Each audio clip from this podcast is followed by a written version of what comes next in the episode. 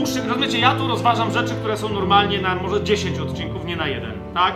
Ale teraz musimy wszystko to zakończyć i to jest ostatnia nasza dzisiaj część. Podam, domyślacie się, a kto z was się nie domyśla, może słucha tego pierwszy raz. Mm.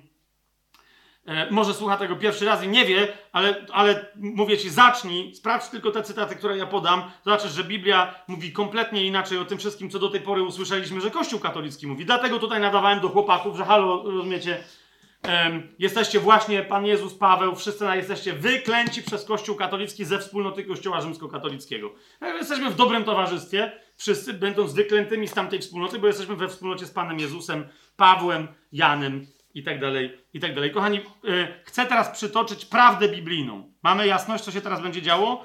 Prawda biblijna. Będzie, będą znowu cztery punkty, w pewnym sensie odnoszące się do tamtych kłamstw, do, tamtych, do tamtego sprzeniewierzenia się Słowu Bożego, wykręcaniu go, rozciąganiu go na jakimś łożu madejowym, potwornej pseudoteologii. Otóż po pierwsze powiemy sobie, że grzech nie może się być przekazywany nikomu nijak, E, ale że fundamentem, nawet w Starym Testamencie, ale zwłaszcza w Nowym, grzech e, może być tylko związany ze świadomą odpowiedzialnością. I my, I my z tego, co się w wyniku naszego osobistego grzechu dzieje, dopiero z tego jesteśmy, mamy być usprawiedliwieni i tak dalej, a nie z czegoś, co ktoś zrobił, a my za to jesteśmy winni. Tak? Mamy jasność? Halo? Dobrze. Drugi punkt to będzie, że usprawiedliwienie jednak oficjalny, hierarchiczny, papiesko-biskupi kościele rzymskokatolicki jednak otrzymuje się za darmo z łaski Pana i tylko i wyłącznie z łaski Pana, która to łaska stanowi akt raczej niż cokolwiek innego. Dlaczego o tym mówię? Bo chcę wyraźnie to powiedzieć, że za każdym razem łaska jest działaniem Boga, którego nikt nie może powstrzymać. Działaniem, na które nie możemy zasłużyć. Jeżeli ja sobie zasłużyłem na coś u Boga, to on nie odpowiada łaską, on mi odpowiada za to czym? Nagrodą albo zapłatą. Tak?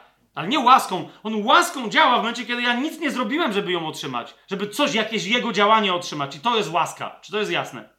Nie? A nie jakaś energia, którą się ktoś może posłuchać, że Bóg ma łaskę, a potem ktoś ją bierze i ją, wiecie, roz, rozdaje, namaszcza, że posługuje się nią jak jakąś energią. To tak nie jest, nie? Potem będzie punkt trzeci, jak sobie powiemy, że no właśnie łaskę otrzymuje, usprawiedliwienie otrzymuje się z łaski za darmo, e, e, co to znaczy, to potem jeszcze sobie konkretniej odpowiemy, co to w ogóle w związku z tym jest łaska, jak ona w Biblii jest przedstawiana i na sam koniec, na sam koniec czy istnieje Kościół, czy w ogóle w Biblii istnieje Kościół jako instytucja. Czy ktokolwiek miałby rozumieć, bo ktoś powie, no to może nie Kościół rzymskokatolicki, ale to który Kościół protestancki, czy coś takiego? Czy istnieje w ogóle taka organizacja, czy instytucja,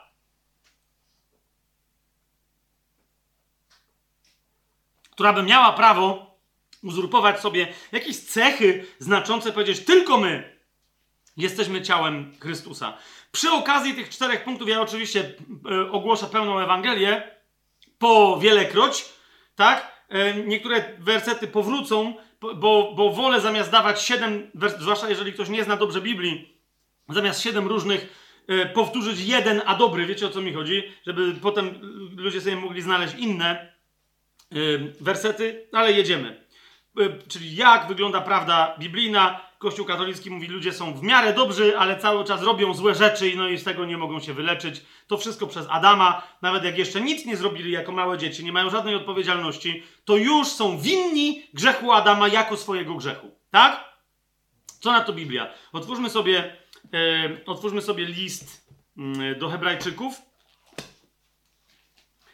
Po pierwsze, yy, to nie trzeba wiele, jesteśmy w dobie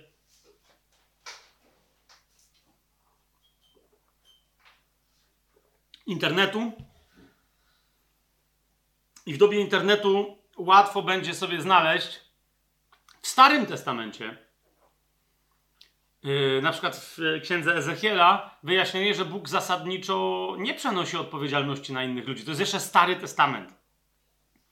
Ezechiel na przykład mówi, że było takie w Izraelu przysłowie, że ojcowie jedli cierpkie jagody, a zębom ścierpły zęby. A synom ścierp, ścierpły zęby. Ok? Czyli ci coś zrobili, a tamci doznali skutków. E, I to jest całe, jeżeli pamiętacie gdzie, tak, jak ktoś nie pamięta, to niech sobie choćby to wpisze. Ojcowie jedli cierpkie jagody, synom ścierpły zęby. E, I od razu sobie znajdziecie w internecie właściwy fragment. Tam jest powiedziane o odpowiedzialności indywidualnej. Ktoś był sprawiedliwy przez całe życie, ale zgrzeszył. E, za ten grzech będzie odpowiadać. Ktoś, ktoś grzeszył, ale, ale pokutował, oddał się Bogu.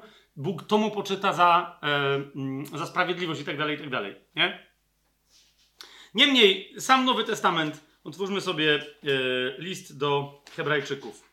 Najpierw list do Hebrajczyków, piąty rozdział, mówi nam następującą rzecz. Najpierw taką zasadę nam przypomina. Jest piąty rozdział, wersety 13 i 14. Każdy bowiem, kto żywi się tylko mlekiem, jest niewprawny w słowie sprawiedliwości, bo jest niemowlęciem. I on to mówi o ludziach, którzy także, gdy chodzi o Słowo Boże, po prostu odnoszą się tylko do pewnych fundamentów, ale on mówi, ale on tu się odwołuje do zasady ogólnej. Tak? Dzieci jedzą mleko, y, nie, nie, nie podlegają e, w ogóle słowu sprawiedliwości. Dlaczego? Zaraz się dowiemy, bo nie rozróżniają między dobrem i złem, więc nie są odpowiedzialne za to, czy zrobiły coś dobrego czy złego. Wiecie o co mi chodzi? Dziecko krzyczy, krzyknęło obok ciebie, niemowlak, tak? Ma dwa miesiące, krzyknął obok ciebie, a ty, ty, akurat chciałeś się napić herbaty, gorąca, przestraszyłeś się, upuściłeś i teraz rozumiesz, to jest wina tego dziecka? Wiesz co mi chodzi? Ono ci coś zrobiło, pociągniesz je do odpowiedzialności sądowej, pobijesz je? To są ludzie, którzy tak robią, biją dzieci małe. Natomiast za odpowiedzialność to one nie wiedzą, one nie wiedzą, że coś w ogóle zrobiły. Czy, a czy dopiero czy dobrego, czy złego. I tu jest ta zasada przywołana. Każdy bowiem, kto żywi się tylko mlekiem, jest niepra- niewprawny w słowie sprawiedliwości, bo jest niemowlęciem. Natomiast pokarm stały jest dla dorosłych, jak są charakteryzowani dorośli, którzy przez praktykę mają zmysły wyćwiczone do rozróżnienia dobra i zła. Osoba dorosła staje się dorosłą w momencie, kiedy popełnia pierwszy czyn jakiś, który jest zły i wie o tym, że to jest złe i nadal się na to decyduje. Tak? Nawet Kościół rzymskokatolicki mówi wyraźnie yy, i ma tę teologię, że grzech to musi być coś, co jest świadome i dobrowolne. Czyli ktoś wie, że zrobi coś złego i robi to dobrowolnie, nikt go do tego nie zmusza. Czy jest jasne? Wybiera to. To jest dorosła osoba. Jeżeli wie, że coś jest złe i jeżeli wiedząc, że coś jest złe, wybiera grzech, teraz mniejsza to z jakiego powodu, ale wybiera go, to wtedy jest grzesznikiem. Tak? Ale nie może dziecko, które nie wie, że coś jest złe, czy jest jakie, nie wie nawet jak się nazywa, co się dzieje, być grzesznikiem. Zresztą pierwszy list do Koryntian mówi o sytuacji, przy okazji daje nam również pewną ogólną zasadę, mówi o sytuacji, w ramach której mamy małżeństwo, w ramach którego to małżeństwa jedna tylko osoba jest usprawiedliwiona i zbawiona, mówiąc potocznym protestanckim językiem, a druga osoba nie, czyli to jest małżeństwo niewierzącej osoby z wierzącą osobą, tak? Nadal mówi, co? Yy, pierwszy list do Koryntian, siódmy rozdział, czternasty werset że w tym związku pozostając, nie do końca rozumiejąc, co się dzieje i tak dalej, i tak dalej, zauważcie, bardzo interesująca historia. Mąż niewierzący, to jest pierwszy list do Koryntian, 7 rozdział, 14 werset, mąż niewierzący bowiem jest uświęcony przez żonę, a żona niewierząca uświęcona jest przez męża. I teraz bardzo interesujące do tego, czyli wy się nawzajem uświęcacie. I teraz jakby to, to, co to oznacza dla dorosłej osoby, to jest jedno, ale jaki to ma skutek dla dzieci, małżeństwa, gdzie choćby jedna osoba jest uświęcona. Zauważcie, co się dzieje. Inaczej wasze dzieci byłyby nieczyste, a teraz, a tak zaś są święte. Widać to? Co do tego ich, rozumiecie, cokolwiek u nich, ich chrzest, ich zachowanie, ich coś tam, jeżeli to są dzieci, one są biblijnie rozumiane jako dzieci nierozróżniające, one są uświęt, to nawet nie to, że mogą, rozumiecie, dostąpić zbawienia, kiedy staną przed Panem, nie? Ale one są, nawet bez wyznawania wiary, uznane za świętych w Kościele, gdyż ich rodzice, choćby tylko jedno z rodziców, jest święte. Czy to jest jasne? Tak? Idziemy dalej. List do Rzymian. Otwórzmy sobie piąty rozdział. A ci tam mówią, że nie, nie, bo tutaj wszystko przeszło. Zobaczcie, co pisze list do Rzymian. Paweł w liście do Rzymian w piątym rozdziale, w dwunastym wersecie. Dlatego i dalej. Będę czytać od 12 do 17 wersetu. Dlatego tak jak przez jednego człowieka grzech wszedł na świat, a przez grzech śmierć, tak też na wszystkich ludzi przeszła śmierć, ponieważ wszyscy zgrzeszyli. I ten, rozumiecie, ten fragment był zacytowany, żeby udowodnić, wprowadził Adam fizycznie na cały świat grzech. na wszystkich innych ludzi. Niemniej ten werset co mówi? Przez jednego człowieka grzech wszedł gdzie? Na innych ludzi? Nie, na świat. A przez grzech na świecie pojawiła się co? Śmierć. Śmierć kogo? Wszystkich ludzi. Bo śmierć jest zjawiskiem tyczącym się ludzi. Grzech niekoniecznie w tym momencie. To był jego grzech. Wcześniej na świecie przed jego grzechem był jakiś grzech? Nie było, więc dlatego świat stworzony przez Boga zobaczył grzech wtedy, kiedy Adam zgrzeszył i on tak wprowadził grzech na świat. Tak? Ale przez ten grzech on się stał śmiertelny. Czemu? Dlatego, że grzech polegał na zjedzeniu z drzewa, z którego jak się zjadło, potem koniecznością było umrzeć, bo to drzewo było, nazwijmy to e, szybciutko, drzewo poznania dobra i zła było jakie? Trujące. Jeżeli z niego zjecie, to na pewno umrzecie. Jest tak? Więc to było to. Grzechem było zjedzenie z drzewa, którego skutkiem był, była śmierć fizyczna i dlatego grzech spowodował śmierć. To jest jasne.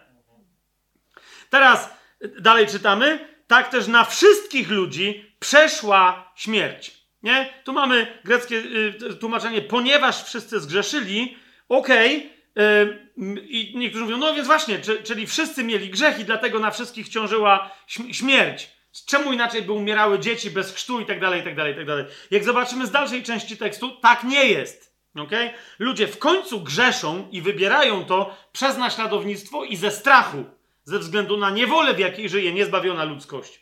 Okay? Ale strach prowadzący do grzechu właśnie wynika z tego, że śmierć w ich życiu jest nieuchronna. Czy jest to jasne? Nie? Małe dziecko nie musi zgrzeszyć, ale niechybnie musi umrzeć, gdyż jak słowo mówi Boże w liście do Hebrajczyków, człowiekowi pisane jest raz umrzeć, a potem sąd. Jasne? Raz um... To jest to. Więc to jest pewne. Jasne? I teraz jak czytamy dalej ten fragment, ja go nie będę yy, czytać, niemniej yy, grzech był na świecie od nadania prawa, dobrze, okej. Okay. 14 werset. Śmierć królowała od Adama aż do Mojżesza. I tak dalej. Potem pojawiło się prawo. Dynamika grzechu się nieco zmieniła. Ale zauważcie 17 werset. Jeżeli bowiem z powodu przestępstwa jednego śmierć zaczęła królować przez tego jednego, czyli jeszcze raz, ile osób popełniło grzech? Jedna osoba. Czy inne osoby umierają dlatego, że grzeszą? Jeszcze zobaczcie tutaj. Z powodu przestępstwa jednego śmierć zaczęła królować. Co to znaczy? Zaczęła dotykać wszystkich. Tak? Ale przestępstwo było ich? Nie! Oni tylko było jasne, że zaczną umierać. Ok?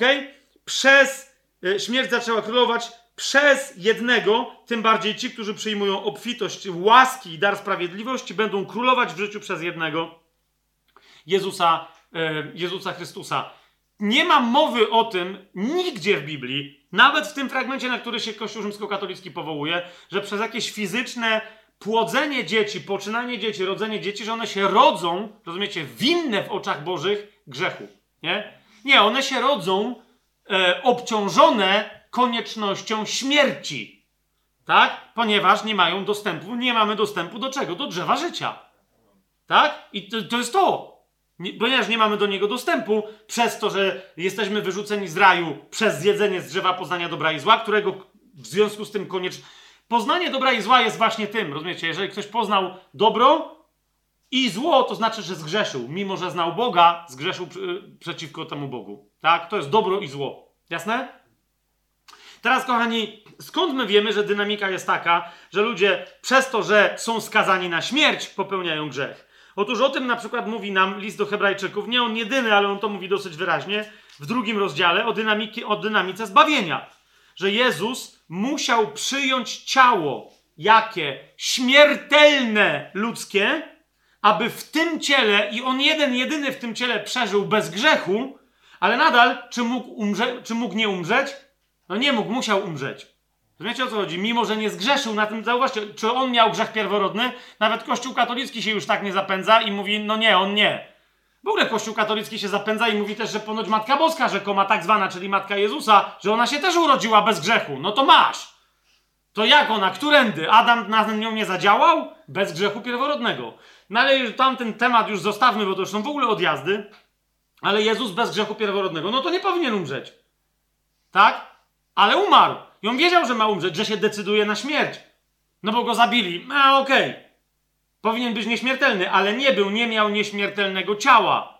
Tak? I teraz zauważcie, jak opisuje tę dynamikę list do Hebrajczyków, drugi rozdział, wersety 14 i 15. Ponieważ zaś dzieci są uczestnikami ciała i krwi. Jeszcze raz, czego są uczestnikami? Ciała i krwi swoich rodziców, a nie stanu ich ducha, a nie odpowiedzialności moralnej czy etycznej przed Bogiem. Mam amen na to? Okej. Okay.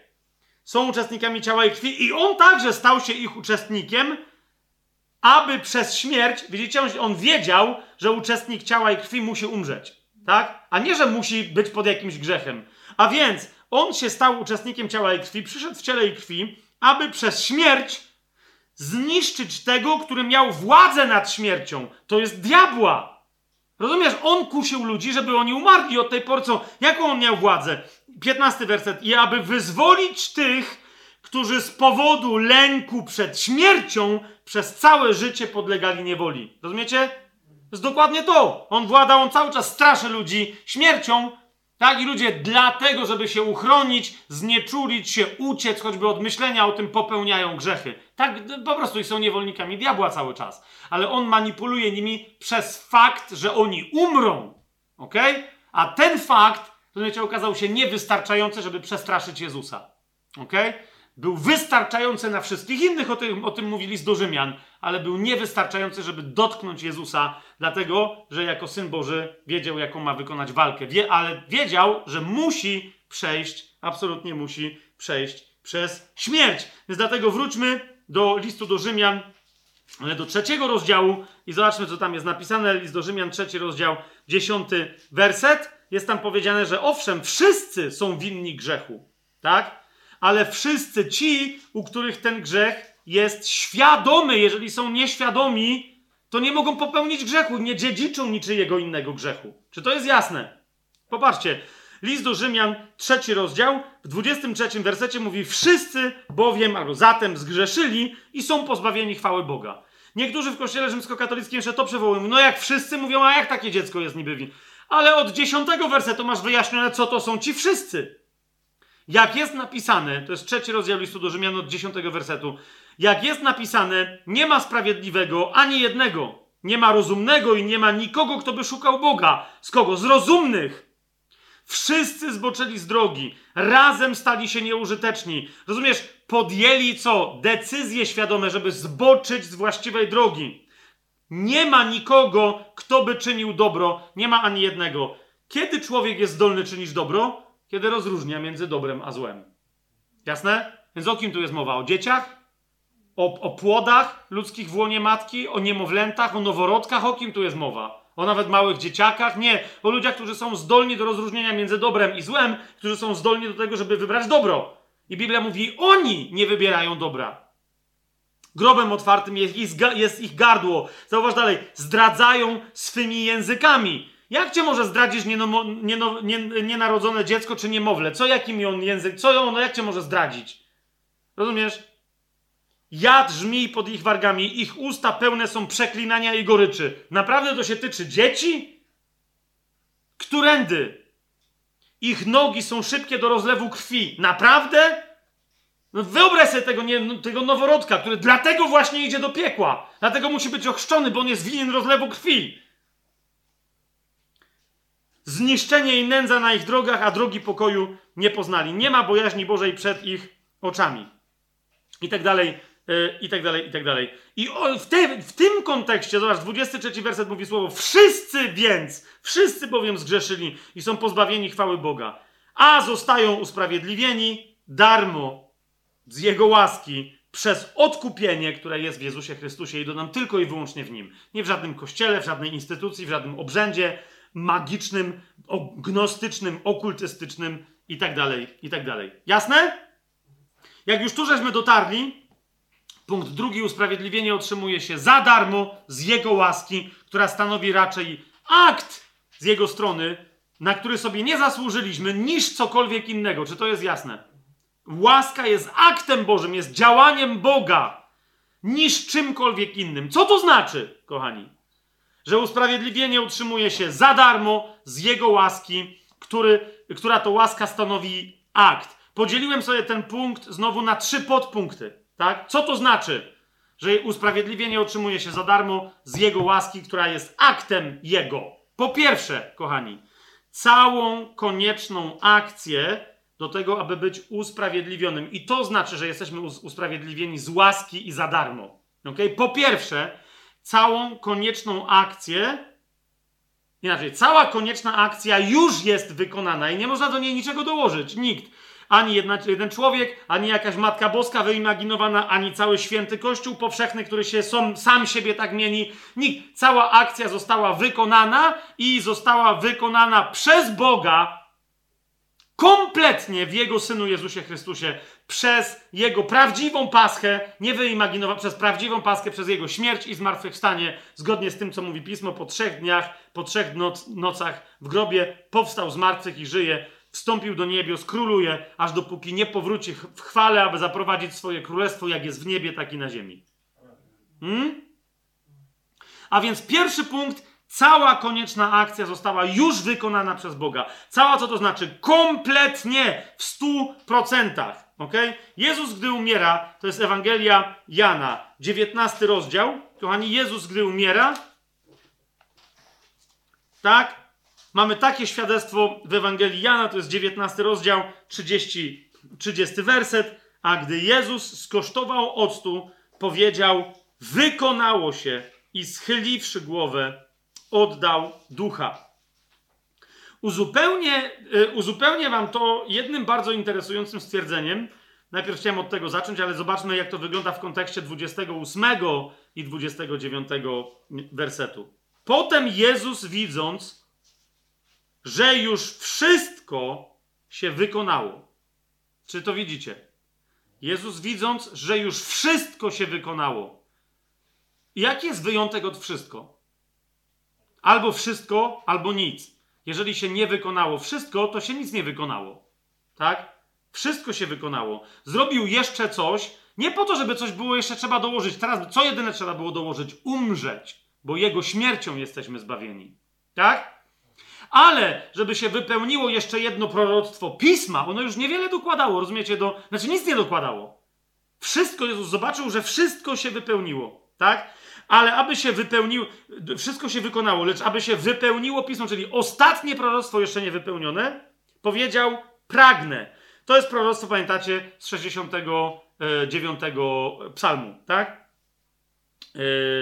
Yy, powiedział, yy, powiedział: Pragnę. A stało tam naczynie pełne octu, nasączono więc, no i to było dokładnie to. On powiedział, co powiedział, nie powiedział jak, ale oni dokładnie wypełnili to słowo z, tamte, z tamtego fragmentu pisma. Tak, nasączono więc gąbkę octem, nałożono ją na hizop i podano mu do ust. Wszystko już się wykonało, teraz jest, rozumiecie, wypełniło się całe pismo i wtedy, gdy Jezus skosztował octu, powiedział, wykonało się, już nic nie musi być więcej i schyliwszy głowę, oddał ducha. Co to znaczy, kochani? List do Rzymian sobie otwórzmy dalej. List do Rzymian, rozdział piąty. E, całą konieczną akcję Bóg już wykonał kompletnie, dokładnie w tamtym miejscu. Ok? Trzeba było wskrzesić Jezusa z martwych, żeby pokazać, że ta akcja rzeczywiście się wykonała, jest przez Boga przyjęta i jest to gwarantowane przez Boga. Amen? Ale, ale ona, zobaczcie rozdział 5 listu do Rzymian, e, wersety 8, 9 i 10. Ale Bóg od szóstego wersetu nawet przeczytajmy. Chrystus bowiem gdy jeszcze byliśmy słabi, we właściwym czasie umarł za bezbożnych. Wiele innych fragmentów mówi, że za wszystkich. Nieważne, czy oni chcieli, czy nie chcieli, po prostu umarł za wszystkich bezbożnych. Chociaż rzadko się zdarza, że ktoś umrze za sprawiedliwego, jednak za dobrego może ktoś odważyłby się umrzeć. Ale Bóg okazuje nam swoją miłość, zauważcie czas teraźniejszy, dziś okazuje nam swoją miłość przez to, że gdy jeszcze byliśmy grzesznikami, Chrystus już za nas umarł.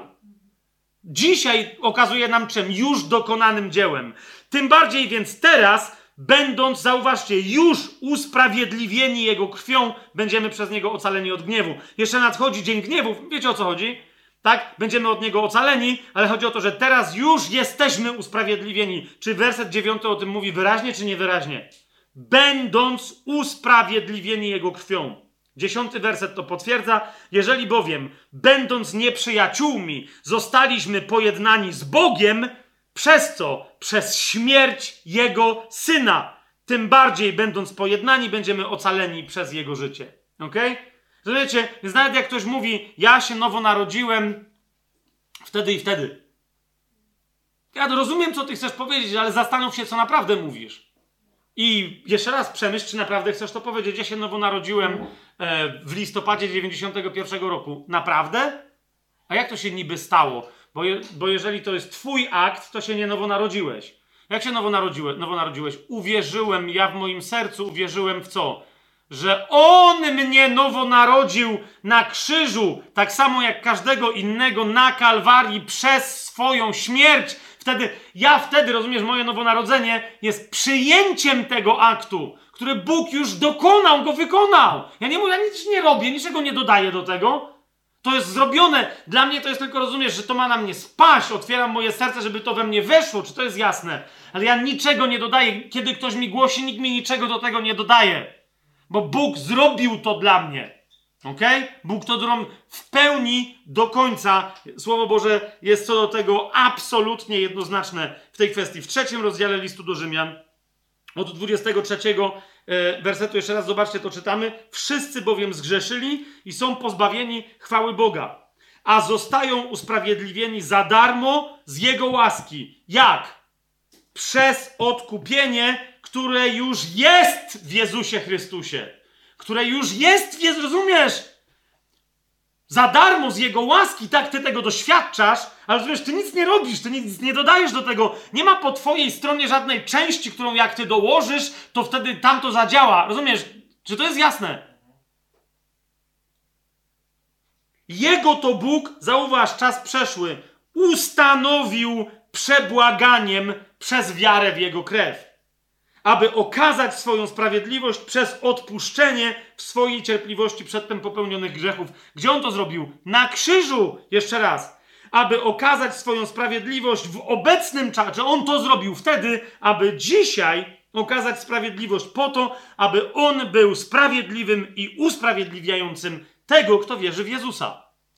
On jest sprawiedliwym i on jest usprawiedliwiającym. Rozumiesz, to jest język, który mówi, ty przez wiarę jedynie otwierasz się na Jego działanie. Dokonane, dokonujące się i które jeszcze będzie się dokonywać, ty niczego nie dokładasz do tego działania. Rozumiesz? Dlatego to jest łaska. Nic z tego, co ty zrobiłeś, człowieku, nic z tego, co ty zrobiłeś, chłopie, czy ty, babo, nic z tego, rozumiesz? Nie ma, ty nic, ty się możesz tylko otworzyć na to, Kapujesz? Ale nawet nie żadnym aktem, odruchem serca, do którego Pan puka. Rozumiesz? Ale ty nic tym odruchem nie dokładasz tam. Nawet to de facto troszeczkę bardziej wygląda tak, jakby łaska chciała wyważyć drzwi do serca każdego człowieka i raczej ludzie opierają się jej. Mówią nie, uciekają w ciemność, niż, rozumiecie o co mi chodzi, niż oni coś robią, żeby przyjąć łaskę.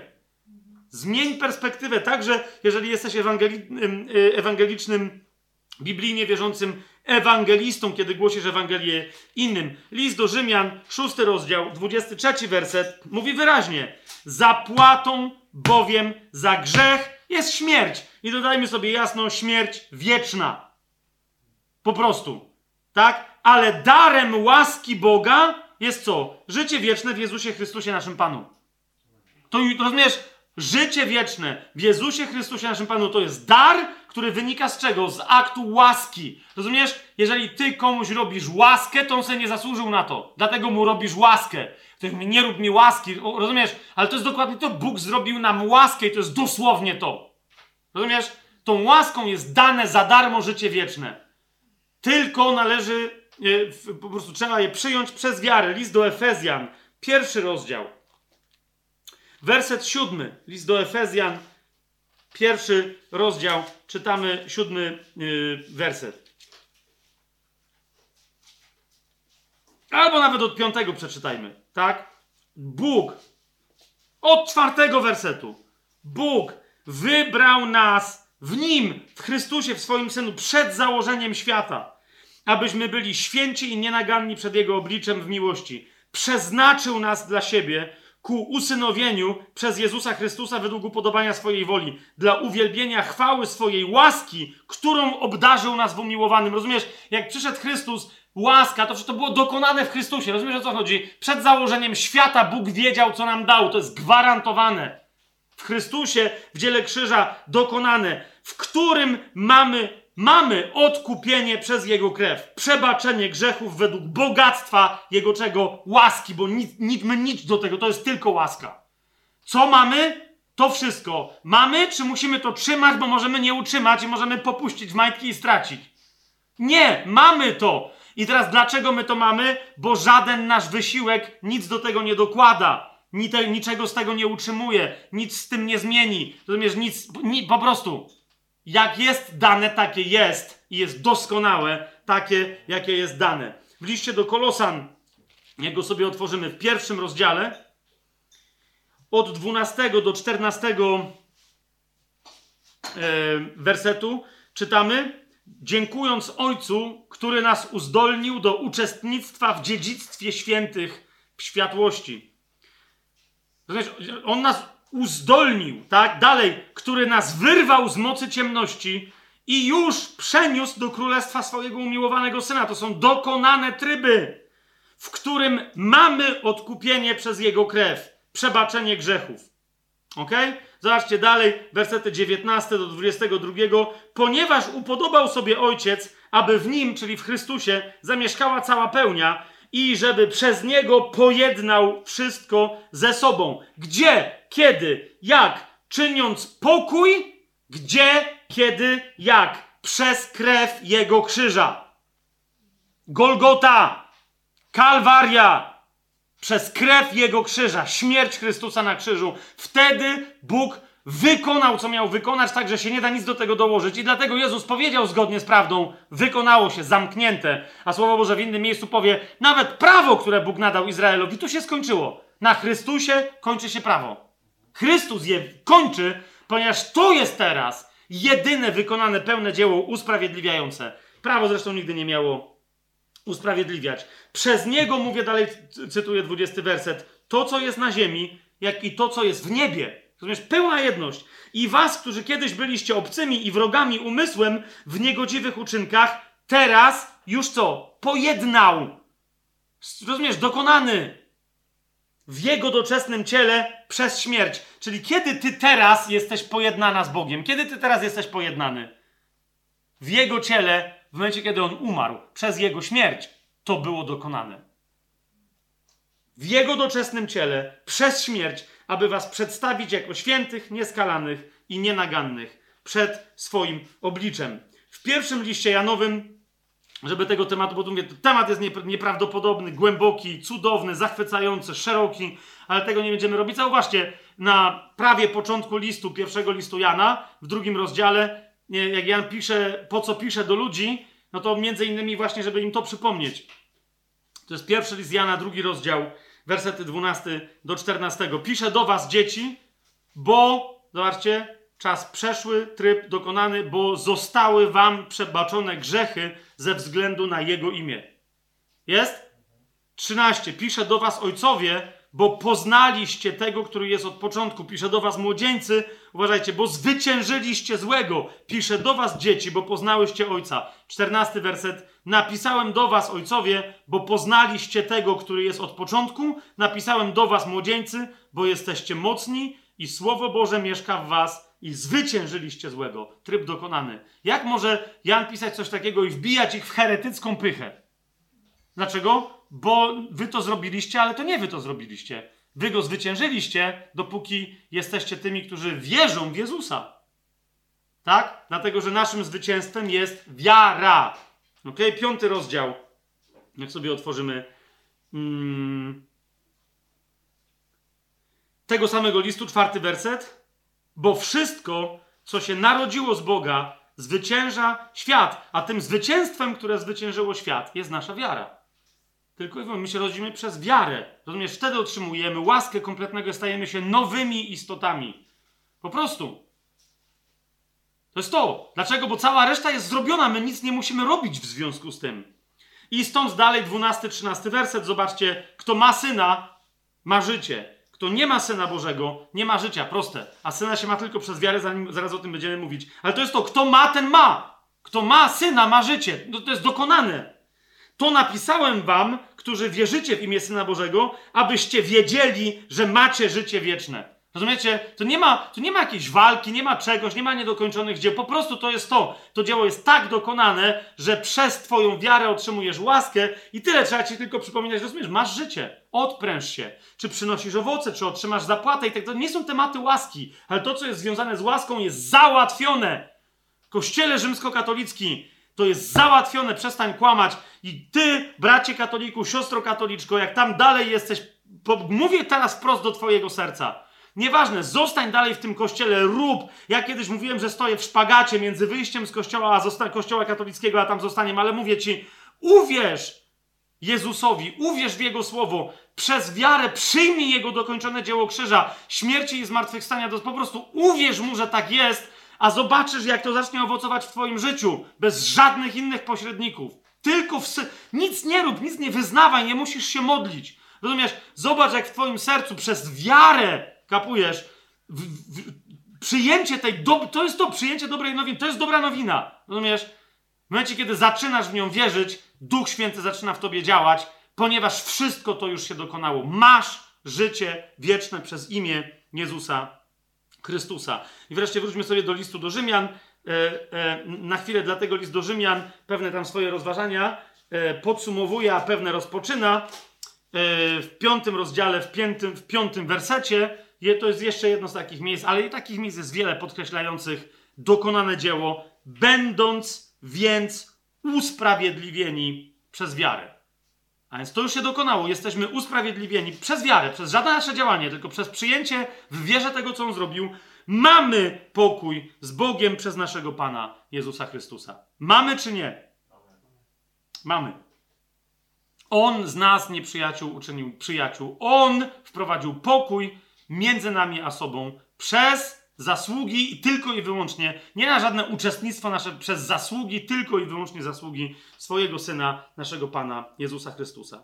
Zatem usprawiedliwienie otrzymuje się za darmo z Jego łaski. Y, co to znaczy? Po pierwsze, całą akcję już wykonał Bóg i ją wykonał, jak mówię, całą wykonał ją kompletnie, tak?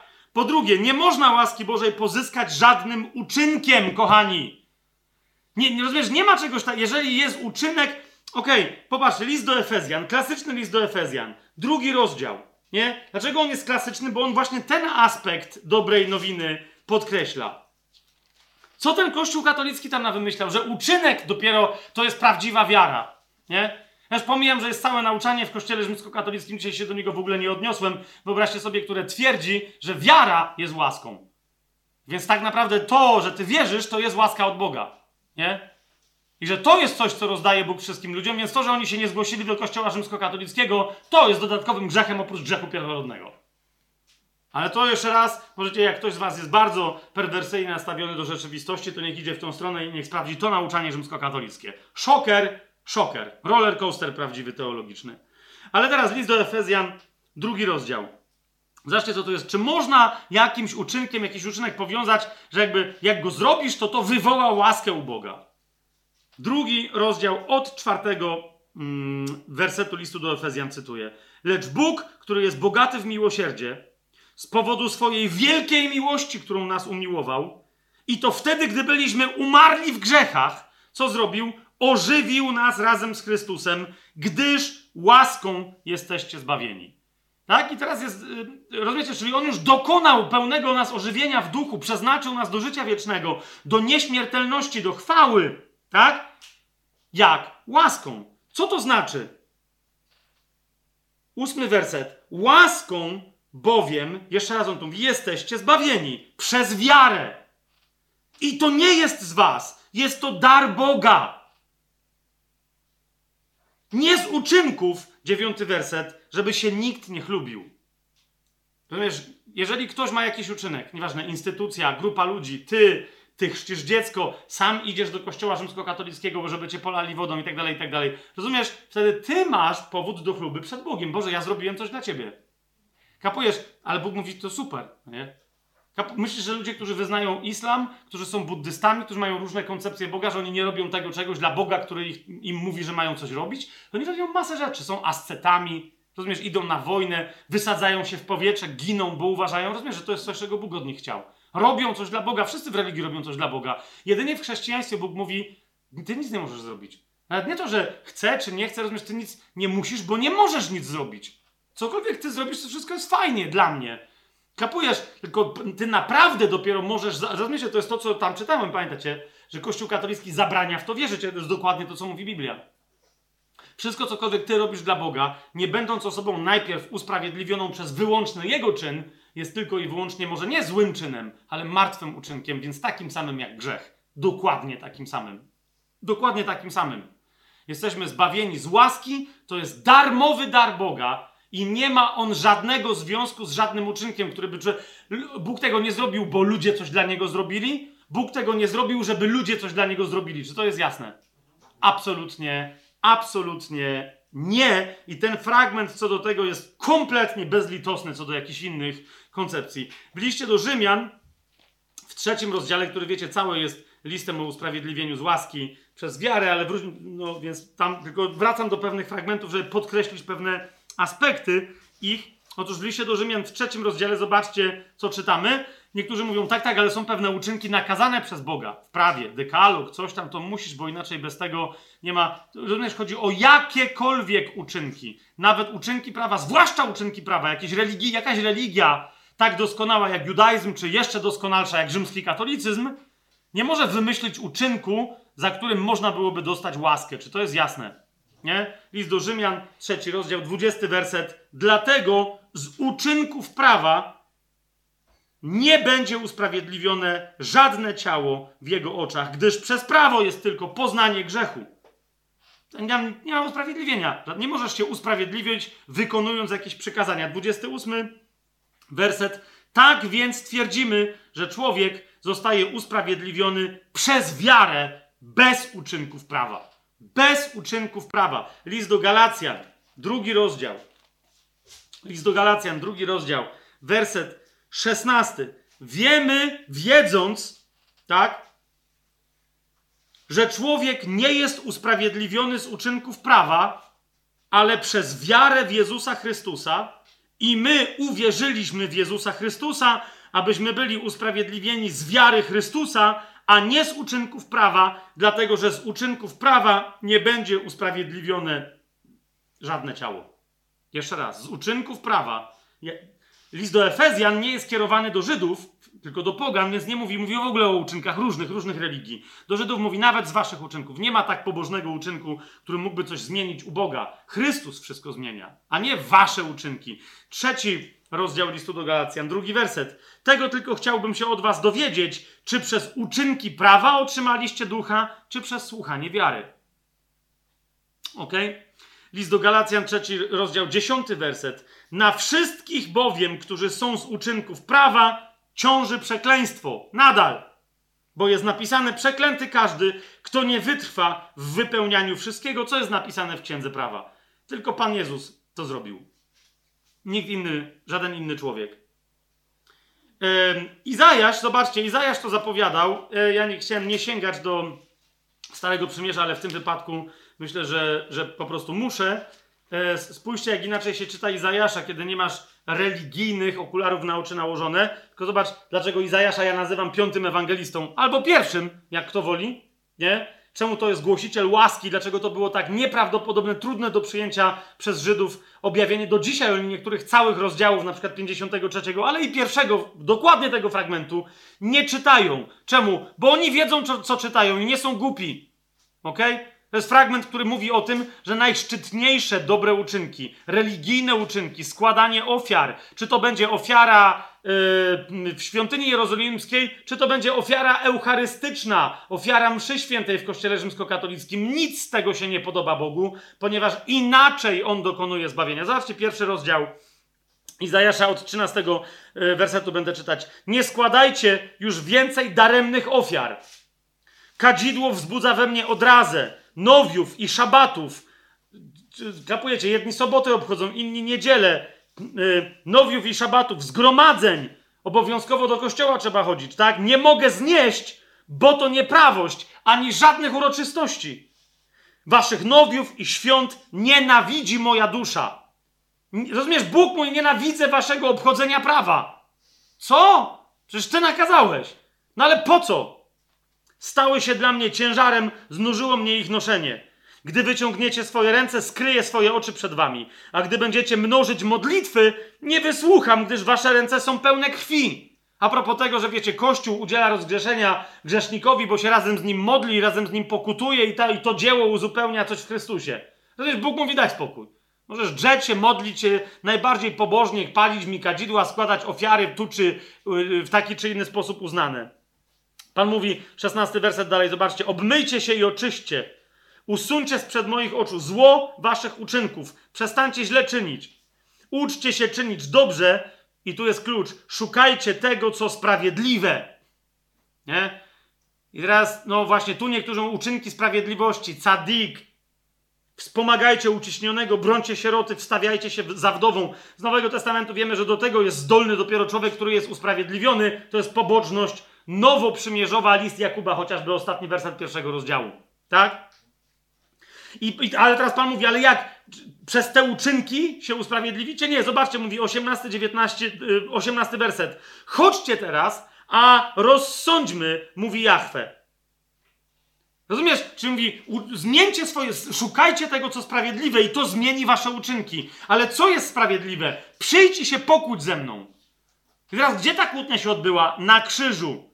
Rozumiesz, ludzie szydzili z Syna Bożego, a On właśnie dla nich dokonał wymiany. Jakiej? Chociażby wasze grzechy były jak szkarłat, jak śnieg wybieleją.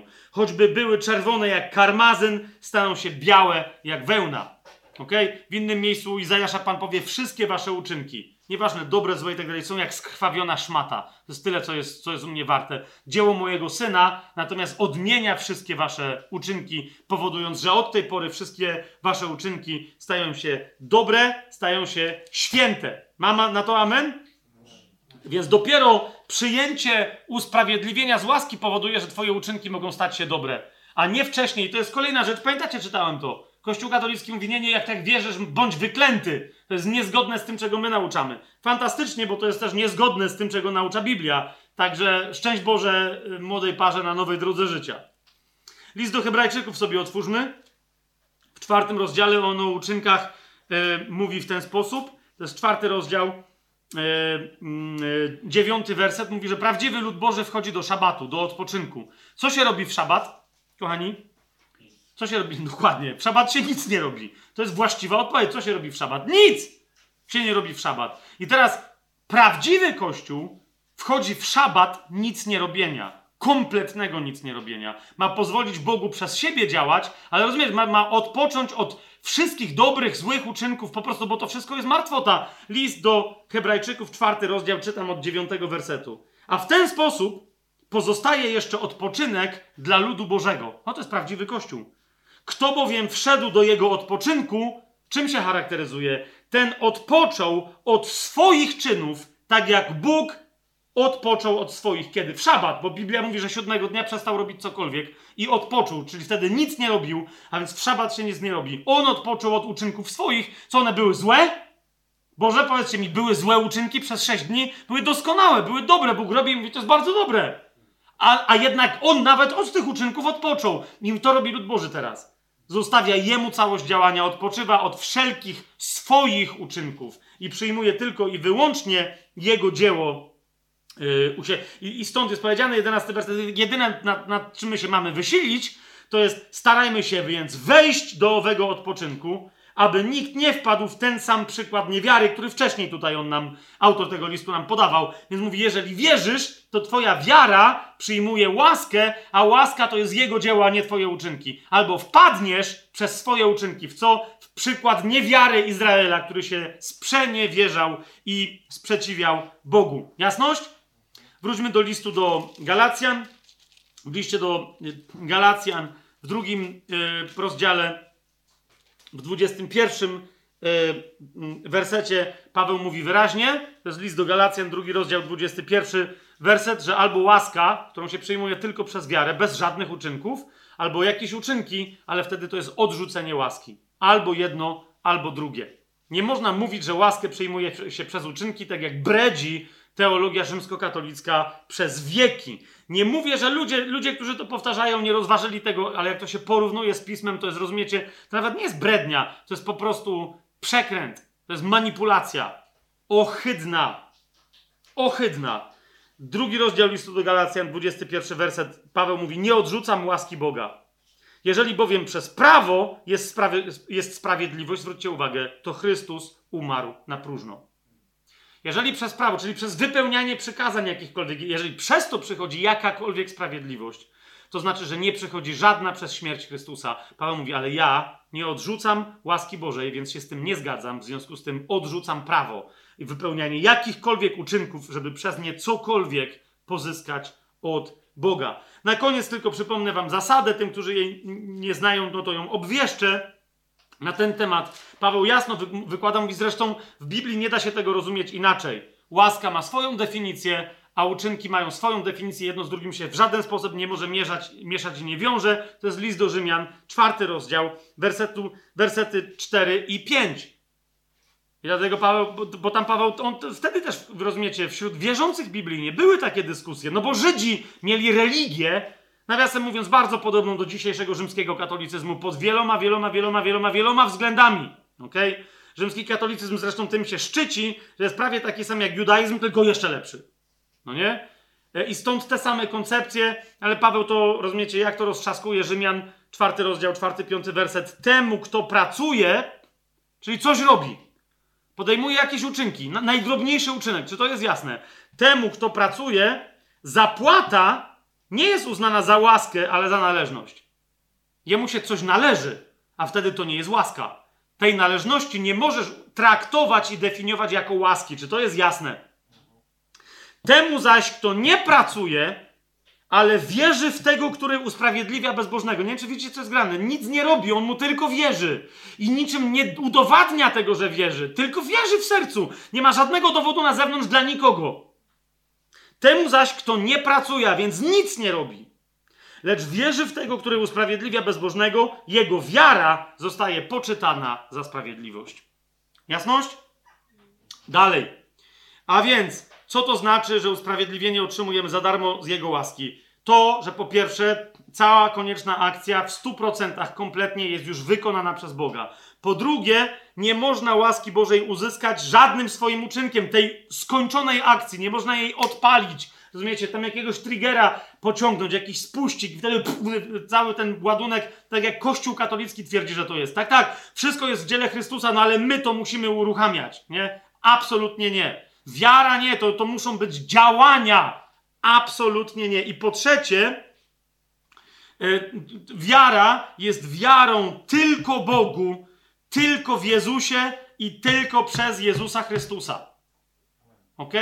To jest wiara skierowana tylko do Boga, więc która jest w Duchu Świętym skierowana tylko i wyłącznie na osobę Jezusa, bo on powiedział: Nikt nie przychodzi do Ojca inaczej, jak tylko przeze mnie. To nie jest wiara w dogmat, to nie jest wiara. Nawet jeszcze raz, ja napisałem książkę i ktoś mi mówi, że nowy kościół założyłem. Ok? W co wierzą biblijni chrześcijanie, że to jest nowa denominacja czy coś, to jest to. No nie? Ta książka. To jest rzeczywiście forma jakby katechizmu. Ale to jest co? To jest moja refleksja nad tym, w co wierzy człowiek, który po prostu czyta Biblię. Nie należy do konkretnego żadnego kościoła. Kościołów może być wiele, wiele denominacji i wielu braci i sióstr ym, chrześcijan biblijnie wierzących mówią amen. Ja mam na to amen. Ja jestem z kościoła zielonoświątkowego, zielonoświątkowego ktoś mi mówi. Ja jestem od baptystów. Sporo takich ym, braci i sióstr, sporo z, z, z kościołów wolnych chrześcijan, z kościołów różnych charyzmatycznych i tak dalej, i tak dalej. I oni wszyscy mówią, ale ja się pod tym podpisuję, amen, to jest dokładnie to. Tylko potem jestem w kościele takim i takim. Rozumiecie? Ale nadal, niech to nie jest w co wierzą biblijni chrześcijanie. To są te wszystkie rzeczy. Ale kiedy Biblia mówi o wierze, przez którą otrzymujemy usprawiedliwienie, to ta wiara nie jest wiarą w coś, po coś. Rozumiecie? To jest zaufanie, którym człowiek otwiera się na Boga, wierząc, że On jest dobry, On wynagradza tego, kto się w ten sposób na Niego otwiera. To jest to. To jest bezpośredni akt wewnętrzny, niepotwierdzony żadnym aktem zewnętrznym, akt serca wobec Boga. Czy to jest jasne? Nie musisz nigdzie wyjść, klęknąć, podnosić rąk, żeby ktoś na ciebie ręce. Nie musisz nic z tego robić. Teraz, kiedy słuchasz tego, co ja mówię, możesz powiedzieć: Boże, ufam ci. Możesz po katolicku jak najbardziej powiedzieć Jezu, ufam Tobie, ale nie do obrazu, nie do Jezusa miłosiernego, czy bo to się wcale prawdziwy Pan Jezus tam nie, obraza, nie obraża, nie objawiał, ale on, pojawiało się tam dziadostwo, które obrażało Jezusa. Powiedz to temu jedynemu prawdziwemu Jezusowi, który dwa tysiące lat temu na krzyżu za Ciebie, dla Ciebie umierał, przelał swoją krew do ostatniej kropli. I dzisiaj ta krew w niebie przemawia rzeczy, mówi rzeczy potężniejsze nawet niż krew Abla, jak świadczy o tym list y, do Hebrajczyków. Zatem, y, po pierwsze, dzieje apostolskie sobie otwórzmy, abyśmy bardzo szybko y, to w Biblii tę prawdę zobaczyli. Dzieje apostolskie, czwarty rozdział. Dzieje apostolskie, czwarty rozdział. Wersety od 10 do 12. Tam został uzdrowiony człowiek w imieniu Jezusa. E, stają wobec tego przesłuchiwani przed Sanhedrynem apostołowie i Piotr wtedy pełen Ducha Świętego wypowiada następujące słowa. Niech wam wszystkim i całemu ludowi Izraela będzie wiadomo, że w imieniu Jezusa Chrystusa z Nazaretu, którego wy ukrzyżowaliście, a którego Bóg wskrzesił z martwych, przez Niego ten tu człowiek stoi przed wami zdrowy. On, czyli z powrotem mówi o Chrystusie, On jest tym kamieniem odrzuconym przez was, budujących, który stał się kamieniem węgła. I nie ma w nikim innym zbawienia. W nikim innym ani w niczym innym. Pamiętacie te wszystkie twierdzenia? Jedynym sakramentem zbawczym jest Kościół, tylko wewnątrz Kościoła jest. Nie ma w nikim innym zbawienia. Nie ma bowiem pod niebem żadnego innego imienia. Już pomijam, że imię Kościół rzymskokatolicki to jest takie trochę słabe imię. No nie? Tu jest, ale nieważne. Nie ma bowiem pod niebem żadnego innego imienia danego ludziom, przez które moglibyśmy być zbawieni. Tylko i wyłącznie w imieniu Jezusa. W dziesiątym yy, rozdziale dziejów apostolskich, 38 werset i dalej.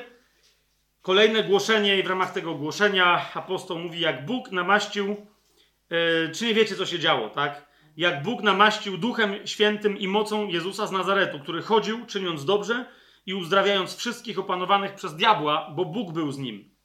A my jesteśmy świadkami tego wszystkiego, co czynił w ziemi ludzkiej i w Jerozolimie. Jego to zabili, zawiesiwszy na drzewie, ukrzyżowanie. Jego też wskrzesił Bóg trzeciego dnia i sprawił, żeby się objawił nie całemu ludowi, ale świadkom, przedtem wybranym przez Boga, nam, którzy z nim jedliśmy i piliśmy po jego zmartwychwstaniu. Nakazał nam też głosić ludowi i świadczyć, że on jest ustanowionym przez Boga sędzią żywych i umarłych. Nie żaden ksiądz w konfesjonale na przykład. Temu wszyscy prorocy wydają świadectwo, że przez jego imię każdy, kto w niego wierzy, otrzyma przebaczenie grzechów. Okay? Tylko przez wiarę, tylko Bogu, tylko w Jezusie Chrystusie, przez Jezusa Chrystusa, dla Jezusa Chrystusa, mocą Ducha Świętego, którego On udziela. Otwórzmy, się, otwórzmy sobie parę klasycznych wypowiedzi. Ich jest mnóstwo, ale klasycznych wypowiedzi samego Pana Jezusa. Ewangelia Jana, trzeci rozdział. Ewangelia Jana, trzeci rozdział od 14 wersetu. A jak Mojżesz wywyższył węża na pustyni, pamiętacie, na palu drewnianym, tak musi być wywyższony syn człowieczy. No my wiemy, że na krzyżu, tak? Po co ma być wywyższony na krzyżu?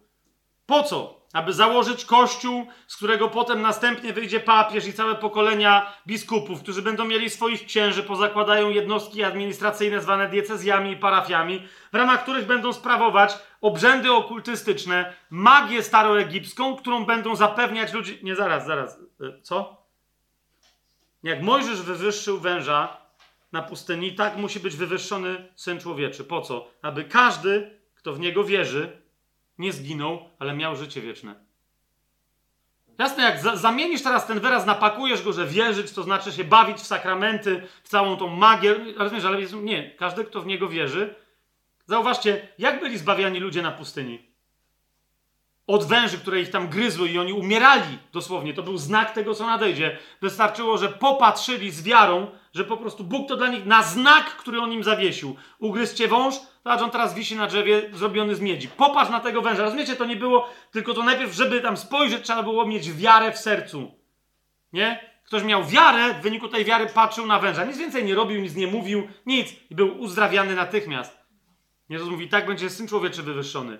Kto na Niego spojrzy z wiarą, będzie uzdrowiony. Dalej. Tak bowiem Bóg umiłował świat, zauważ, cały świat, że dał swojego jednorodzonego Syna. Czas przeszły, tryb dokonany. Aby każdy, kto w Niego wierzy, nie zginął, ale miał życie wieczne. Co wystarczy? Wiara, cała Ewangelia Jana brzmi, huczy, dźwięczy, brzęczy od tej prawdy. To jest jej absolutny rdzeń, absolutny fundament. Teraz to zobaczymy bardziej. Bo Bóg nie posłał swojego Syna na świat, aby ten świat potępił, lecz aby świat był przez Niego zbawiony. I teraz uważajcie, kto wierzy w Niego, nie będzie potępiony. Ale kto nie wierzy, już jest potępiony, bo nie uwierzył w imię jednorodzonego Syna Bożego. Co może człowieka tylko i wyłącznie potępić? Nieuwierzenie w Jezusa. Kościół rzymskokatolicki mówi, jeżeli w coś takiego wierzysz, jesteś sprzeniewiercą, pójdziesz do piekła. Nie może waszego, ale ja pójdę do mojego nieba, u mojego Pana, gdzie jest Pan Jezus i potem razem z Nim wrócę na ziemię. Co wy na to? Rozumiecie? To wierzenie w to, co jest napisane w Ewangelii, tam jest uznane, to twierdzenie jest uznane, nie, nie wierzenie w to, to twierdzenie jest uznane za herezję, za nieprawdę. To rozumiesz, gdzie stoi Kościół rzymskokatolicki?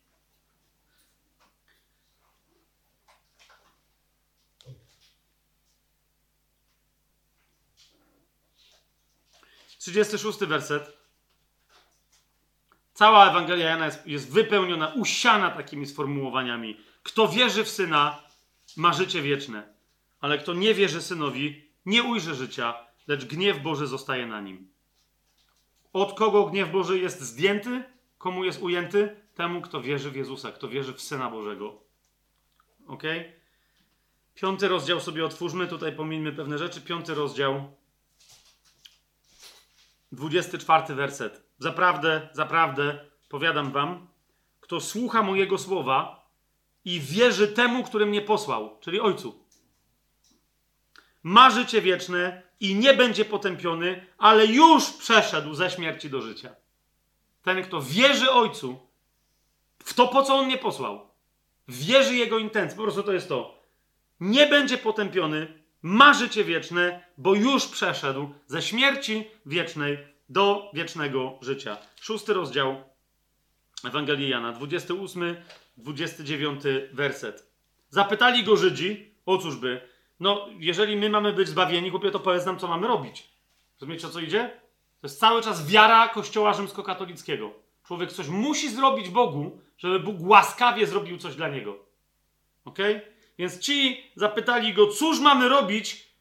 Z pamięci mówię, bo bez okularów nie widzę teraz za bardzo, co, co czytam, ok? Więc zapytali go, cóż mamy robić, abyśmy wykonywali dzieła Boga. Rozumiecie? My wykonujemy dzieła Boga. Co mamy my robić? No nie, żeby mu się spodobać, żeby być zbawionym. A Jezus im odpowiedział: To jest dzieło Boga, abyście wierzyli w tego, którego on posłał, czyli we mnie. No masz, a oni by tak bardzo chcieli coś zrobić, żeby mieć swoją zasługę. Nie? Żeby mieć swoją zasługę. Swoją zasługę. Jezus zresztą im mówi e, w poprzednim rozdziale, w piątym rozdziale, w 44 wersecie, że dlatego właśnie nie mogą wierzyć, bo cały czas chcą się chlubić swoimi uczynkami. Nie? Szukają opinii u wszystkich, tylko nie u Boga. To jest piąty rozdział, 44 werset. Jakże możecie wierzyć, skoro przyjmujecie chwałę jedni od drugich, a nie szukacie chwały, która jest tylko i wyłącznie od samego Boga? Okay? 40 werset, 6 rozdział, 40 werset Ewangelii Jana. I to jest wola tego, który mnie posłał. Taka jest wola Boża, nie ma żadnej innej, rozumiecie? Powstania kościoła, stworzenia sakramentów, uprawiania magii. To jest wola Ojca, który mnie posłał. A, nie, przepraszam, to jest 40 werset. To jest wola tego, który mnie posłał, aby każdy, kto widzi syna i wierzy w niego, miał życie wieczne, a ja go wskrzeszę w dniu ostatecznym. 47 werset. Zaprawdę, zaprawdę, powiadam wam, kto wierzy we mnie, ma życie wieczne, nie ma żadnego innego elementu uzupełniającego. Tak można by było bardzo długo, ja wam tylko mówię o tym, że zauważcie, od tego się cała Ewangelia zaczyna. Zobaczcie pierwszy rozdział, dwunasty werset, nie? Że Słowo Boże stało się ciałem, przyszło do swoich, swoi go nie przyjęli, tak? Ale komu dało moc, w jaki sposób, do czego? To jest pierwszy rozdział, dwunasty werset. Lecz wszystkim tym, którzy go przyjęli, dał moc, aby się stali synami Bożymi. Czyli komu? Kto to jest, kto go przyjął? To jest tym, którzy wierzą w jego imię. Nic nie robią. To udziela mocy stania się synem Bożym. I ta Ewangelia, kochani, aż do samego końca, jak Jan nam uzasadnia na końcu, czemu on napisał tą Ewangelię, zauważcie, on mówi, cała ta Ewangelia po to jest napisana. Zobaczcie, 20 rozdział, 30 i 31 mm, werset. I wiele innych cudów uczynił Jezus na oczach swoich uczniów, które nie są napisane w tej księdze, lecz te są napisane, abyście wierzyli, że Jezus jest Chrystusem, Synem Bożym, i abyście wierząc, mieli życie w Jego imieniu. Nic nie robiąc, abyście wierząc, mieli życie w Jego imieniu. List do Rzymian, jak sobie otworzymy dziesiąty rozdział, niektórzy powiadają, że no okej, okay, okej, okay, okej, okay, ale tam jest powiedziane, że nie, bo trzeba wierzyć i wyznać. Nie? I wtedy cytują dziesiąty rozdział, dziewiąty werset. Jeżeli ustami wyznasz Pana Jezusa i uwierzysz w swoim sercu, że Bóg wskrzesił go z martwych, będziesz zbawiony. I mówią, no i co? Dlatego nie wystarczy uwierzyć w sercu, musi ktoś wyjść do przodu, musisz zaprosić grzeszników, niech oni odmówią modlitwę, muszą wyznać Jezusa jako swojego Pana. Człowiek, który nie ma Ducha Świętego, nie może wyznać Jezusa jako swojego Pana. Dlatego, owszem, to jest jedno zdanie, które mówi: Jeżeli ustami wyznasz Jezusa jako swojego Pana, i ale jednocześnie wierząc w swoim sercu, czyli jako Pana zmartwychwstałego. Natomiast kolejność jest podana gdzie? W dziesiątym wersecie, zobaczcie, tam jest napisane: Sercem bowiem wierzy się ku sprawiedliwości. Biblia Tysiąclecia wręcz nawet chyba ma tłumaczenie, że, że wierzy się bowiem ku usprawiedliwieniu, czy dla usprawiedliwienia, coś takiego. Nie? Rozumiesz? A więc najpierw w sercu wierzysz i to powoduje co? Usprawiedliwienie. Usprawiedliwienie powoduje, że rodzisz się na nowo, masz Ducha Świętego i wtedy zgodnie z pierwszym listem do Koryntian, mając Ducha Świętego, możesz wtedy wyznać, że Jezus jest Panem. Wyznanie Jezusa Panem nie jest czymś, co cię zbawia, ale jest wynikiem tego, że jesteś osobą usprawiedliwioną. Droga zbawienia to nie jest droga usprawiedliwienia, to jest życie łaską usprawiedliwienia. To jest pierwszy uczynek wierząc usprawiedliwionej za darmo przez łaskę, z łaski, przez wiarę osoby. Pierwszym jej uczynkiem jest wyznanie Jezusa jako Pana. Zgodzicie się? List do Galacjan, a zresztą dalej, e, zobaczcie co się dzieje, nie ma różnicy. Jedenasty werset, tutaj ten dziesiąty rozdział listu do Rzymian, jedenasty werset i dalej. Mówi bowiem Pismo, każdy, kto w Niego wierzy, nie będzie zawstydzony. To wystarczy. Nie ma różnicy między Żydem a Grekiem, bo ten sam Pan wszystkich jest bogaty względem wszystkich, którzy Go wzywają. Każdy bowiem, kto wezwie imienia Pana, będzie zbawiony. Ale jak musi wezwać? Będąc w sercu usprawiedliwionym, nie robiąc magii żadnej, ale mając bezpośrednią wiarę, którą, z którą się zwrócił do Boga, powiedział: Ufam Ci. Wierzę Ci, Jezu, że Ty za mnie umarłeś na krzyżu. Ja po prostu dzięki Ci za to, że mnie odkupiłeś. Rozumiesz, to możesz w swoim sercu powiedzieć. To jest to, jest to jeżeli, jeżeli chcesz się upewnić, że masz tę wiarę, to zobacz, to jest to. Rozumiesz, i, on, i ta i łaska, moc Jego śmierci i zmartwychwstania teraz działa w Twoim sercu. Teraz działa w Twoim sercu, dokładnie w momencie, kiedy w to yy, wierzysz. Każdy bowiem, kto wezwie imienia Pana, będzie zbawiony. List do Rzymian, 10 rozdział, 13 yy, werset. List do Galacjan sobie otwórzmy, yy, trzeci rozdział. Jeżeli jesteś rzymskim katolikiem, przepraszam, to jest zapewne w Biblii Tysiąclecia list do Galatów. Nie do Galacjan, ale no okej. Okay. Więc list do Galacjan, trzeci rozdział, 26 werset. A nawet wcześniej, 24 werset. Tak więc prawo było naszym pedagogiem do Chrystusa. Abyśmy z wiary następnie byli usprawiedliwieni.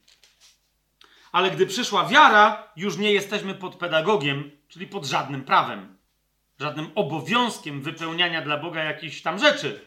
Ok? Wszyscy bowiem jesteście synami Bożymi przez wiarę w Chrystusa Jezusa. Tylko i wyłącznie w ten sposób. Pierwszy list do Tymoteusza sobie y, otwórzmy. Drugi rozdział.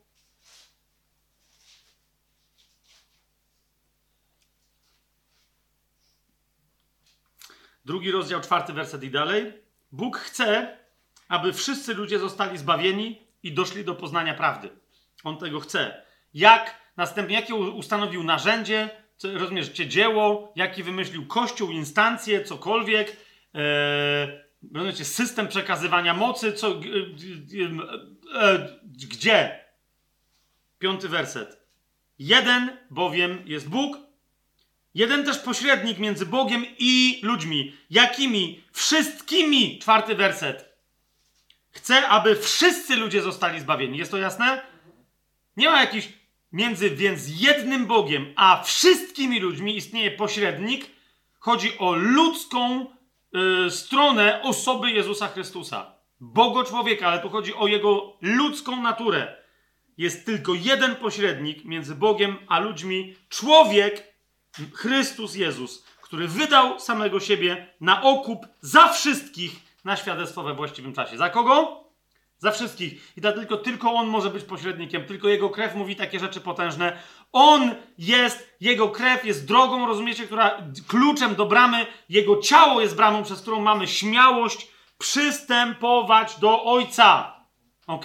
Nie ma żadnego innego kościół, grupa, jakaś specjaliści od Biblii, głosiciele, ludzie, którzy nakładają ręce, rozumiecie, księża, pastorzy, to nie ma żadnej grupy, która może uzupełnić pośredniczenie Jezusa. Nie ma żadnej mistagogicznej, mistycznej osoby, jakichś aniołów, jakiejś Maryi, jakichś ludzi zmarłych, którzy mogą to robić razem z Chrystusem w niebie. Nie ma nikogo takiego. Otwórzmy sobie list do Hebrajczyków, siódmy rozdział, od 22 wersetu będę czytać.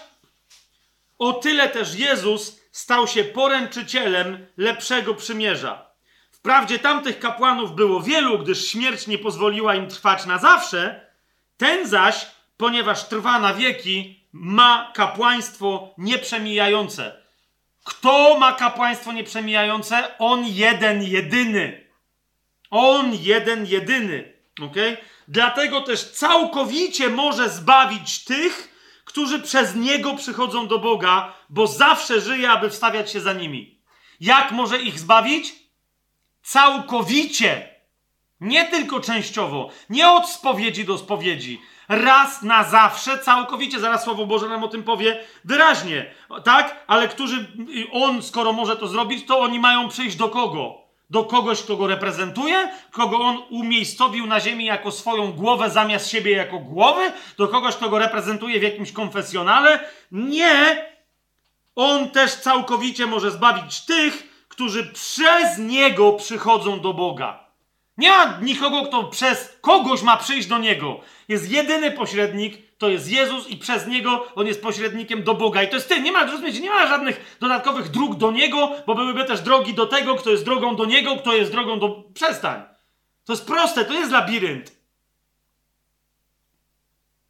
Bo zawsze żyje, aby wstawiać się za nimi. Takiego to przystało nam mieć najwyższego kapłana, świętego, niewinnego, niepokalanego, oddzielonego od grzeszników i wywyższonego ponad niebiosa który nie musi codziennie, nomen omen, Żydzi tylko, czy może w każdym kościele w Polsce codziennie, który nie musi codziennie, jak tamci kapłani najwyżsi, składać ofiar najpierw za własne grzechy, a potem za grzechy ludu. Jak się każda msza katolicka zaczyna?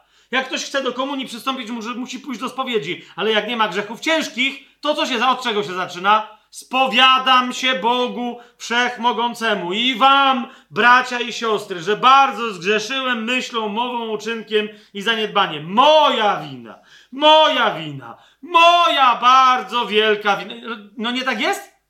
To jest ofiara za grzechy cały czas, codziennie składana. On uczynił to raz, ofiarując sam samego siebie.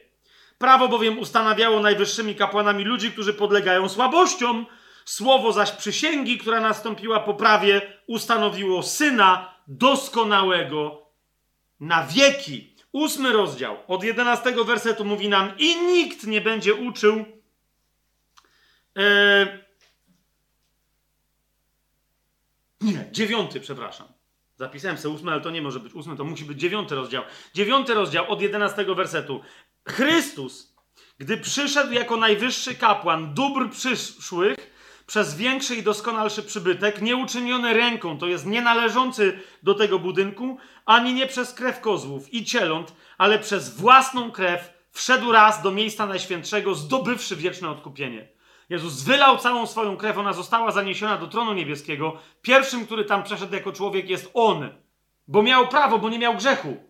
Ta krew nie była wylana za niego samego, tylko za wszystkich innych, zgadza się? Dlatego on wszedł. Ale teraz wszyscy inni mogą wchodzić, bo on wszedł i, w, i wyjaśnił Bogu, co się stało. Bóg powiedział: Dziękuję, akcja wykonana, wykonało się. Dlatego on zmartwychwstał, mówi: Wszystko gra, zaklepane, już nic więcej nie trzeba, droga jest otwarta.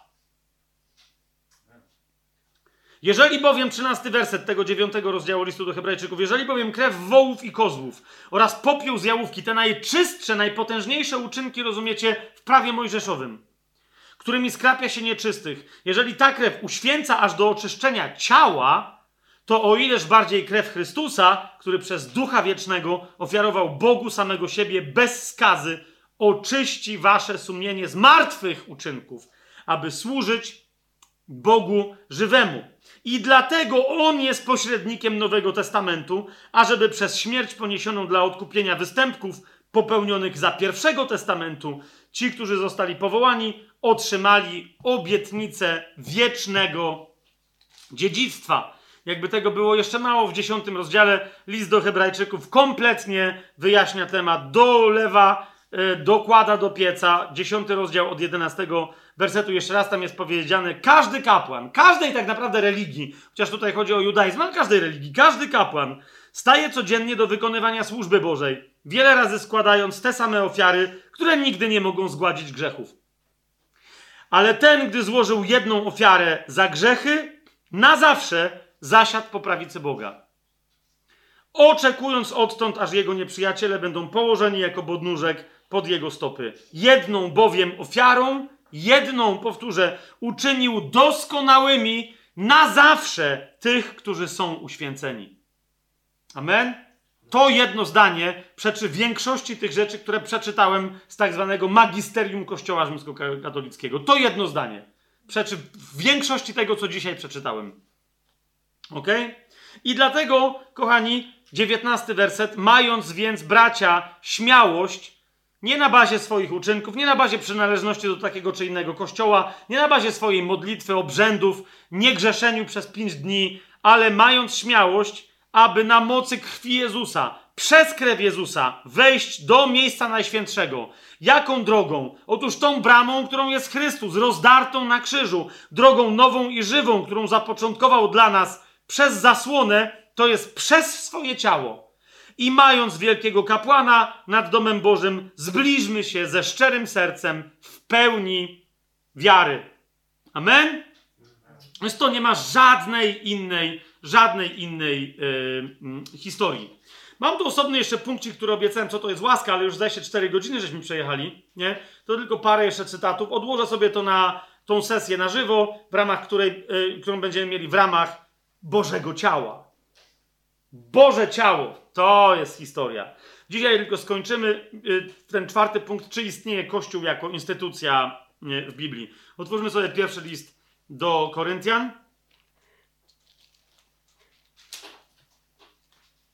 Pierwszy rozdział. Jest wiele innych fragmentów, ale wybrałem takie nie do końca oczywiste, które w sposób oczywisty pewne rzeczy mówią. Nie do końca oczywiste, czyli że nie do końca jest oczywiste, że ktoś się będzie na nie powoływać. Jak Paweł opisuje Kościół na całej ziemi. To są ludzie, którzy podlegają innym ludziom, którzy zachowują pewne obrzędy, zasady, e, tytułują pewnych ludzi właściwymi tytułami. Jedni siedzą z przodu, inni z tyłu. Ten obsługuje nabożeństwo w piątek, kto nie przyszedł w niedzielę ma grzech ciężki, pójdzie do piekła. Kto jadł mięso w piątek, to jest to? Pierwszy list Pawła Apostoła do Koryntian, pierwszy rozdział, drugi werset. Ten list Paweł mówi, że jest kierowany do Kościoła Bożego w Koryncie i do kościoła powszechnego, czyli katolickiego, czyli do kościoła, który jest wszędzie na świecie.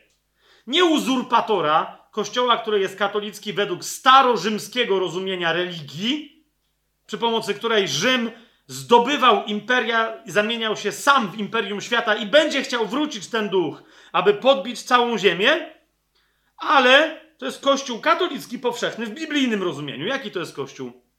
Do Kościoła Bożego w Koryncie, no to to jest Kościół Boży w Koryncie i co to jest Kościół katolicki? I do uświęconych w Chrystusie Jezusie, powołanych świętych, ze wszystkimi, którzy w każdym miejscu wzywają imienia naszego Pana Jezusa Chrystusa, ich i naszego Pana.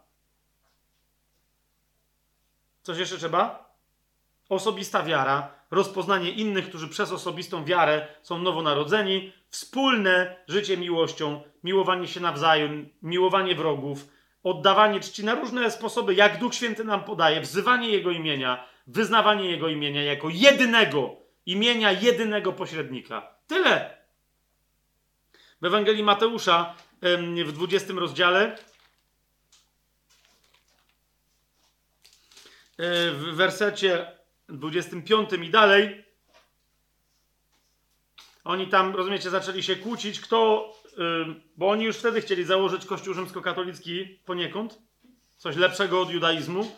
Zaczęli się kłócić, kto będzie siedział po jego prawej, kto będzie siedział po, po lewej jego stronie, gdzie? W królestwie, czyli kiedy ty będziesz rządził. Kto będzie twoją prawicą, kto będzie lewicą, kto będzie ministrem spraw zagranicznych, kto będzie ministrem spraw wewnętrznych, kto będzie premierem, a kto będzie generałem. No nie wiem o co, rozumiecie, oni mieli swoje rozumienia. Na co Jezus w 25 wersecie przywołał ich do siebie i powiedział: Wiecie, że władcy narodów panują nad nimi, a ci, którzy są wielcy, sprawują władzę nad nimi. Ale nie tak ma być wśród was, lecz kto między wami chce być wielki, niech będzie waszym sługą. Nie tak ma być wśród was. Nie ma mowy o rządzeniu na wzór światowy w, moim, w mojej społeczności. I kto wśród was chce być pierwszy, niech będzie waszym sługą, tak jak syn człowieczy nie przyszedł, aby mu służono, ale aby służyć i oddać swoje życie na okup za wielu. Dalej w Ewangelii Marka, jak sobie otworzymy siódmy rozdział Ewangelii Marka, w siódmym yy, rozdziale czytamy od szóstego do dziewiątego wersetu. Zobaczcie, o co oskarża Jezus faryzeuszy. I teraz powiedzcie mi, czy nie mógłby równie dobrze tego powiedzieć do Kościoła rzymskokatolickiego, tego, w wyniku tego, co Rzym, Kościół rzymskokatolicki robi z ludźmi. Nie?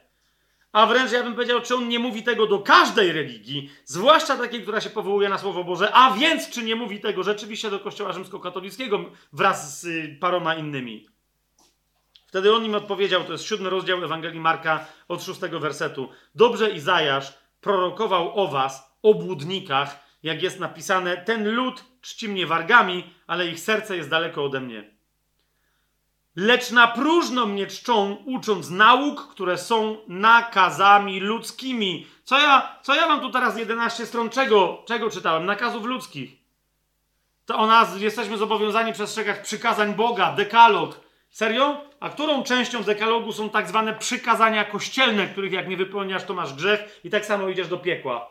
Wiele innych Ile tu jest przykazań? Absolutnie nie wolno ci wierzyć, tak jak Biblia mówi, że jest. Nie wolno ci wierzyć. To jest czyje przykazanie? Biblii? Jezus mówi, kto wierzy we mnie będzie zbawiony. Nie wolno ci tak wierzyć. Musisz wierzyć, że kto wierzy w Niego, ale będąc w kościele i przyjmując magiczne obrzędy nad swoją głową, namaszczenia, polewania, wtedy dopiero. Serio? Na próżno mnie czczą, ucząc nauk, które są nakazami ludzkimi. Wy bowiem, opuściwszy przykazania Boże, trzymacie się tradycji ludzkiej, obmywania dzbanków i kubków i wiele innych tym podobnych rzeczy czynicie. Mówił im też, całkowicie znosicie przykazanie Boże, aby zachować swoją tradycję. To jest dokładnie to. To jest zniesienie, przykazanie, wierzcie we mnie. A oni mówią, nieprawda, to nie, co ty? To w ogóle na o co innego chodzi. Nie może ktoś tylko wierzyć. To jest zniesienie. Bóg nam, wiecie, Zobaczcie w Ewangelii, e, nie w Ewangelii, tylko w, e, w liście Janowym, jak jest powiedziane o tym, że mamy pewne przykazania, w pierwszym liście Jana, w zasadzie jest powiedziane, no, że w zasadzie to jest jedno, ale dobra, ono się rozbija na dwa. Ono się rozbija na dwa. Więc żeby nie było, że teraz ja oskarżam Kościół katolicki. Ok? Trzeci rozdział, 23 werset pierwszego listu Janowego. A to jest jego przekazanie, abyśmy wierzyli w imię jego syna, Jezusa Chrystusa, i miłowali się wzajemnie, jak nam przekazał. Bo kto zachowuje jego przykazania, mieszka w nim, a on w nim. Jakie to są przykazania? Wierzyć w niego i miłować się nawzajem.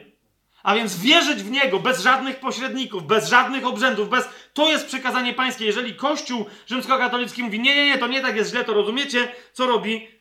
Marek 7:9 całkowicie znosicie przykazanie Boże, aby zachować swoją tradycję. Ok? I trzynasty werset, jeszcze raz Pan Jezus mówi: W niwecz obracacie Słowo Boże przez waszą tradycję, którą przekazaliście, i wiele innych tym podobnych rzeczy czynicie. W liście do Kolosan w drugim rozdziale, e, i to jest przedostatni mój werset, dzisiaj w liście do Kolosan w drugim rozdziale Pan Jezus, e, Paweł e, mówi, uważajcie, dlatego ja dzisiaj powiedziałem uważajcie, uważajcie, uważajcie, to był cytat z Pawła. Uważajcie, żeby was ktoś nie obrócił na własną korzyść przez filozofię i próżne oszustwo oparte na ludzkiej tradycji, na żywiołach świata, a nie na Chrystusie. Nie? Rozumiesz, y, jak Kościół rzymskokatolicki mówi, tylko chrzest jest zbawienny. Ale teraz mówi, ale co, no to co, żeby przyjąć chrzest? Nie wiara. Chrzest jest wyznaniem wiary. Ale jak on jest, czyli chrzest dziecka jest ważny?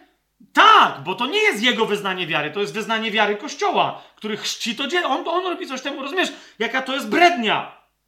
To jest obrócenie ludzi tłumacz, posługiwanie się Biblią pod, na własną korzyść przez filozofię, próżne oszustwo, w dodatku oparte na żywiołach świata. Jakie to jest? Na wodzie. Rozumiesz? Bo tam jest całe rozważanie, ile wody jest potrzebne, żeby wylać na głowę dziecka, żeby chrzest był ważny. Na żywiołach świata. Ja, na jakim drugim żywiole? Na powietrzu, które wydychasz, żeby uzyskać dźwięk, bo jeżeli nie wypowiesz głośno, słyszalnie, może być szeptem, ale nie wypowiesz głośno słów. Ja ciebie chrzczę w imię Ojca i Syna. To nie jest ważny chrzest. Rozumiesz? To samo jest, to zobacz, msza. Jeżeli nie masz wody, której dolejesz do wina, wino musi być specyficznie sprecyzowane. Chleb nie może być zakwaszany, to jest mąka z wodą, rozumiesz, w kościele rzymskokatolickim. Nie wypowiesz właściwych słów we właściwym momencie mszy, nie wypowiesz, nie wykonasz gestów, to po prostu, to, rozumiesz, że to jest nieważne to, co się tam stało. Nie ma magii. Jezus wtedy ponoć nie wstępuje. Ale jak zrobisz wszystko jak należy, to wstępuje, nieważne kim ty jest, możesz być ostatnim szmaciarzem. Masz ważne święcenia, cool. Jesteś posłuszny papieżowi, biskupowi, no cool, no to okej, okay, wszystko działa. To są żywioły, to jest opar, filozofia, próżne oszustwo i oparcie na żywiołach świata. Każdy sakrament, jak mówią, ma swoją materię. Nie? W konfesjonale, jaka tam jest materia? Wyznanie grzechów. Nie? y, y, akty, które ludzie tam muszą wykonać. Ksiądz musi, musi wypowiedzieć tą swoją formułę do niego. Wtedy jest rozgrzeszenie. Ale ludzie są tak przyzwyczajeni w kościele rzymskokatolickim, że oni potrzebują jeszcze czegoś. Musi być jakaś materia. Więc co oni wtedy robią? Całują stułę na przykład, nie? Jak teraz księża nie mają wywieszonej tej stuły, to czasem babcie, ja pamiętam, bywało, że mi tam grzebały po konfesjonale, gdzie ta stuła, okej, okay, to już potem jedną miałem na sobie, druga tam była taka robocza, w konfe- to, ją wywieszałem. Dobra, tu całą tą moją został, rozumiecie? Były takie jazdy. Każdy sakrament, no nie, co jest materią, co jest formą.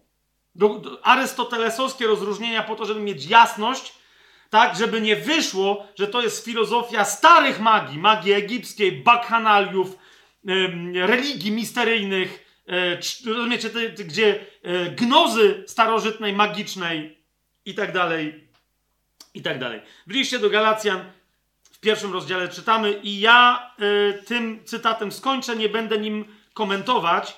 Powiem tylko, kochani, że widzimy się na drugiej części tego nauczania na temat samej abominacji, obrzydliwości, najgor... czymś, która jest w centrum Kościoła rzymskokatolickiego, bo ona jest wykwitem tych wszystkich błędów przez, w teologii Kościoła rzymskokatolickiego popełnionych przez wieki. Bo ja nie wiem, czy oni od początku takie wyznanie mieli, ale teraz to jest coś, rozumiecie, to jest absolutnie, może wejść antychryst, może wejść ktokolwiek. Ja wiem, jak to może zranić serca katolików, ale nie przepraszam za to, bo, bo jeżeli masz w sercu miłość do Boga, chcesz prawdziwego Boga w swoim życiu, to musisz z tym skończyć, po prostu. Bo albo to, albo żyjący Bóg, ok? To jest wszystko to, co jest związane z tak zwaną Eucharystią, z kultem eucharystycznym. Więc będziemy, to wszystko nam posłużyło, żeby zrozumieć, skąd się ten kult eucharystyczny wziął, skąd, rozumiecie, nawet jak cytaty są na temat jedzenia chleba i wina i tam ktoś mówi, że no i to jest prawdziwy Jezus, ale skąd jeszcze stąd dojść do tego, żeby, rozumiecie, coś, co ma być jedzone, żeby to wystawiać i przed tym padać na twarz. Rozumiecie, to, to, to nie ma na to cytatów Biblii. Tylko, że jak ktoś kręci, kręci, kręci, nakręca, to w pewnym momencie zrobi ci szara, bara, bum, bum i nagle mówi, przecież to jest chyba oczywiste, nie? Wszyscy mówią, no tak, padnijmy na twarze. Rozumiesz, to jest oczywiste, to jest oczywiste. I, I, ludzie się wygłupiają, robią z siebie błaznów, naprawdę. Rozumiecie? Robią z siebie błaznów. Widziałem ile w polskim... na polskim YouTubie, bo ludzie mi przysyłali, ej, a porównaj to do procesji Bożociała. Mówię, dobra, będę porównywał, tak? Ale wiecie, ktoś mi przysłał ludzi, którzy chodzą w procesjach, jest jakaś taka wyspa i to jest kult w Japonii, ludzie tam jeżdżą, jakaś taka wyspa, gdzie czczą penisa, czy w erekcji, tak? I tam rozumiecie, tam są figury tych penisów, możecie to znaleźć w internecie, to nie jest jakieś takie, to jest, wiecie, to jest kulturalne, to jest wszystko gra, jest ogromne, rozumiecie, jakieś takie, no, dosłownie chodzą jak z feretronami, ten stoi, ten leży, tu, tu niosą w siedmiu, tam coś, rozumiecie, jak te wszystkie procesje sypią kwiatki przed tym. To rozumiecie, jest wszystko dokładnie to samo. Tak? I teraz katolicy mówią, no bo to diabeł wymyślił, żeby oni bluźnili naszej procesji. Tamci, no rozumiecie, zażynają zwierzęta, żeby uczcić swoich bogów w hinduizmie, w Nepalu, w Indiach itd., tak itd. Tak w innych krajach, rozumiecie, w Ameryce Południowej te, te, te, te obrzędy są pomieszane ze starymi kultami tam lokalnych ludów, te, te katolickie itd., itd., nie? I, i, ale często ja się z tym spotykałem w kościele katolickim, to diabeł robi te wszystkie parodie, żeby wyśmiać to, co Bóg nam nakazał robić w ramach procesji bożociałowej. Tylko rozumiesz, we wszystkich tych obrzędach nie wiem, co jest gorsze. To, że ludzie chodzą za penisem, rozumiesz, ale oni, oni wiedzą, że ten fallus, jakby oni wiedzą, że to jest drewno, jakby, że to jest obraz jakiegoś tam ludzkiego czegoś, ale jakby oni wiedzą, że to nie jest Bóg. Rozumiesz, o co mi chodzi, który stąpił i się właśnie w ten sposób objawia. Nie? Oni jak zażynają kozę i tak dalej, oblewają jakąś figurkę, to oni wiedzą, oni liczą na łaskawość jakiegoś bóstwa, rozumiecie o co mi chodzi? Ale oni wiedzą, że to jest figurka, oni to wiedzą. To jest łaskawy Buddha złoty. To jest tak jak Matka Boska, rozumiecie, Częstochowska, czy jakaś ludzie to czczą, obeczesz se tam yy, szmatkę jakąś, czy różaniec, ten różaniec jest potem pobłogosławiony, ale potem każdy katolik ci powie i słusznie, że ale ja nie, ja nie wierzę, że, w tym, że ten obraz to jest Matka Boska, nie? Ja nie wierzę. Rozumiesz, ale ja, ja nie wiem, która inna religia na świecie każe ludziom z siebie robić takich idiotów. Bo to nawet, rozumiesz, żeby oni wierzyli, że kawałek chleba, jeszcze raz opłatek niesmacznego chleba, czasem zwietrzały, którego się potem nie da zjeść, jak już trzeba się go pozbyć, tylko się go rozpuszcza w wodzie w kościele. Przy niektórych kościołach specjalne drzewko, gdzie się tam potem rozpuszczonego Pana Jezusa wylewa i tak. Rozumiesz o co chodzi? więc jest cały tam, no bo co zrobić, tak? To już się tego nie da przejeść, to czasem się potrafi zaśmierdzieć. Um, naprawdę. No spytajcie, jak macie znajomego zakrystianina czy kogoś, to przecież wam powie albo byłego, albo jakiegoś. No przecież to, przecież to są fizyczne rzeczy, to nie jest żaden cud. Nie? I teraz o co chodzi? Że ludzie idą za tym czymś, jeszcze raz mówię, no tamci idą za fallusem, ale potem nie wiem, może, wiecie, ktoś miał pobudzoną wyobraźnię i potem ktoś może z tego miał przyjemny seks małżeński. Wiecie o co mi chodzi? No ale jak się nagle patrzą, o mój Boże, już było tak dobrze i ostatnim argumentem zepsułeś całe nauczanie dzisiaj. Nie wiem, chodzi mi ja teraz mówię o, o nie chrześcijanach, mówię o ludziach, rozumiecie, o poganach, tak? Oni przynajmniej nie są, oni nie wierzą, że to jest jakiś Bóg, który się zamienił w falusa, no. Tak? Łażą i no okej, okay, no idzie falus, my idziemy za nim, w sumie jest jazda, jest śmiesznie. Rozumiecie, się, niektórzy się wygubiają, jak zobaczycie te filmy tam z Japonii, no, no bo tam ludzie niektórzy, wiecie o co chodzi, jest taki rubaszny, taki taki folklorystyczny, taki piknik, no nie? Eee, nie? A przy okazji, jak jest jakiś Bóg, co nagradza za czczenie fallusa, to super, to jeszcze jakieś łaski na nas spłyną. Obczajasz? Natomiast tu jest pełna powaga. Ja powiem, tu jest pełna powaga. Idzie cała ulica ludzi. Są inni, którzy w to nie wierzą. A ci rozumiecie, ludziom się każe klękać przed rzeczą, martwą rzeczą. okej? Na ulicy, żeby dali świadectwo innym, żeby wzbudzili w nich wstyd, że czemu wy nie... Zobaczcie naszego wielkiego Pana i Zbawiciela, który zmarł. Jak możecie go nie widzieć? No jakby... Bo go nie widać? No właśnie, widzisz, a to jest dokładnie na tym polega ten wspaniały, wielki cud. Jeden, jedyny cud, który Panu Jezusowi, kurde, jakoś dziwnie wyszedł. No nie wszystkie były oczywiste. Był ktoś ślepy, żyje. Był ktoś, rozumiesz, martwy, zmartwychwstał, skrzesił go, tak? Był chromy i kulał i nagle chodzi lata, jak był sparaliżowany, nagle się... Za... Wiesz o co mi chodzi, nie? A tu nagle on się objawił tak, że mówisz... Trochę jakby dziadowski opłatek, ale okay, jak mówisz, że Pan Jezus... No, okej, okay, okej. Okay. Aha. To jest największy cud, że cudem nie jest to, że on się tam ponoć objawia. Cudem jest to, że jacyś ludzie w to wierzą. I teraz, kochani, ale tam za tym jest, są jeszcze gorsze rzeczy z tym związane. Jeszcze gorsze prawdy, w które należy wierzyć. Ludzie myślą, że to jest właśnie taka czcigodna nabożność, a to, to jest szaleństwo. I dlatego, zanim tam dojdziemy na koniec dzisiaj i na zapowiedź tego naszego streama na żywo, kiedy się też będziemy modlić, wtedy się będziemy modlić o wszystkich, którzy zostali zniewoleni przez rzymskokatolicką religię. Na koniec dzisiaj odczytujemy ten fragment, który też odczytamy e, w przyszły czwartek. To jest list do Galacjan, pierwszy rozdział, od 6 do 9 wersetu. Dziwię się, że tak szybko dajecie się odwieść od tego, który was powołał ku łasce Chrystusa do innej Ewangelii, która nie jest inną. Są tylko pewni ludzie, którzy was niepokoją i chcą wypaczyć Ewangelię Chrystusa. Lecz choćbyśmy nawet my, albo anioł z nieba, głosił wam Ewangelię inną od tej, którą wam głosiliśmy, niech będzie przeklęty. Jak powiedzieliśmy przedtem, tak i teraz znowu mówię, gdyby wam ktoś głosił Ewangelię inną od tej, którą przyjęliście, niech będzie przeklęty. Panie Jezu, wiemy, że to przekleństwo nie jest przekleństwem na potępienie wieczne, to jest przekleństwo, które wypowiedziane ma przebudzić tych, którzy są przyćmieni religią, którą wyznają. E, I uwolnić ludzi od demonów, które kłamią, które są potępione na wieki. A więc, Panie, niech Twoja prawdziwa Ewangelia rozbrzmiewa, trafia do jak największej liczby naszych braci i sióstr, potencjalnych braci i sióstr w Kościele Rzymskokatolickim. Niech się nawracają przez bezpośrednie zwrócenie się wiarą ku Tobie, przez bezpośrednie zwracanie się, wołanie tylko i wyłącznie do Ciebie. I Ty sam w Duchu Świętym prowadź ich przez siebie do Ojca. Amen.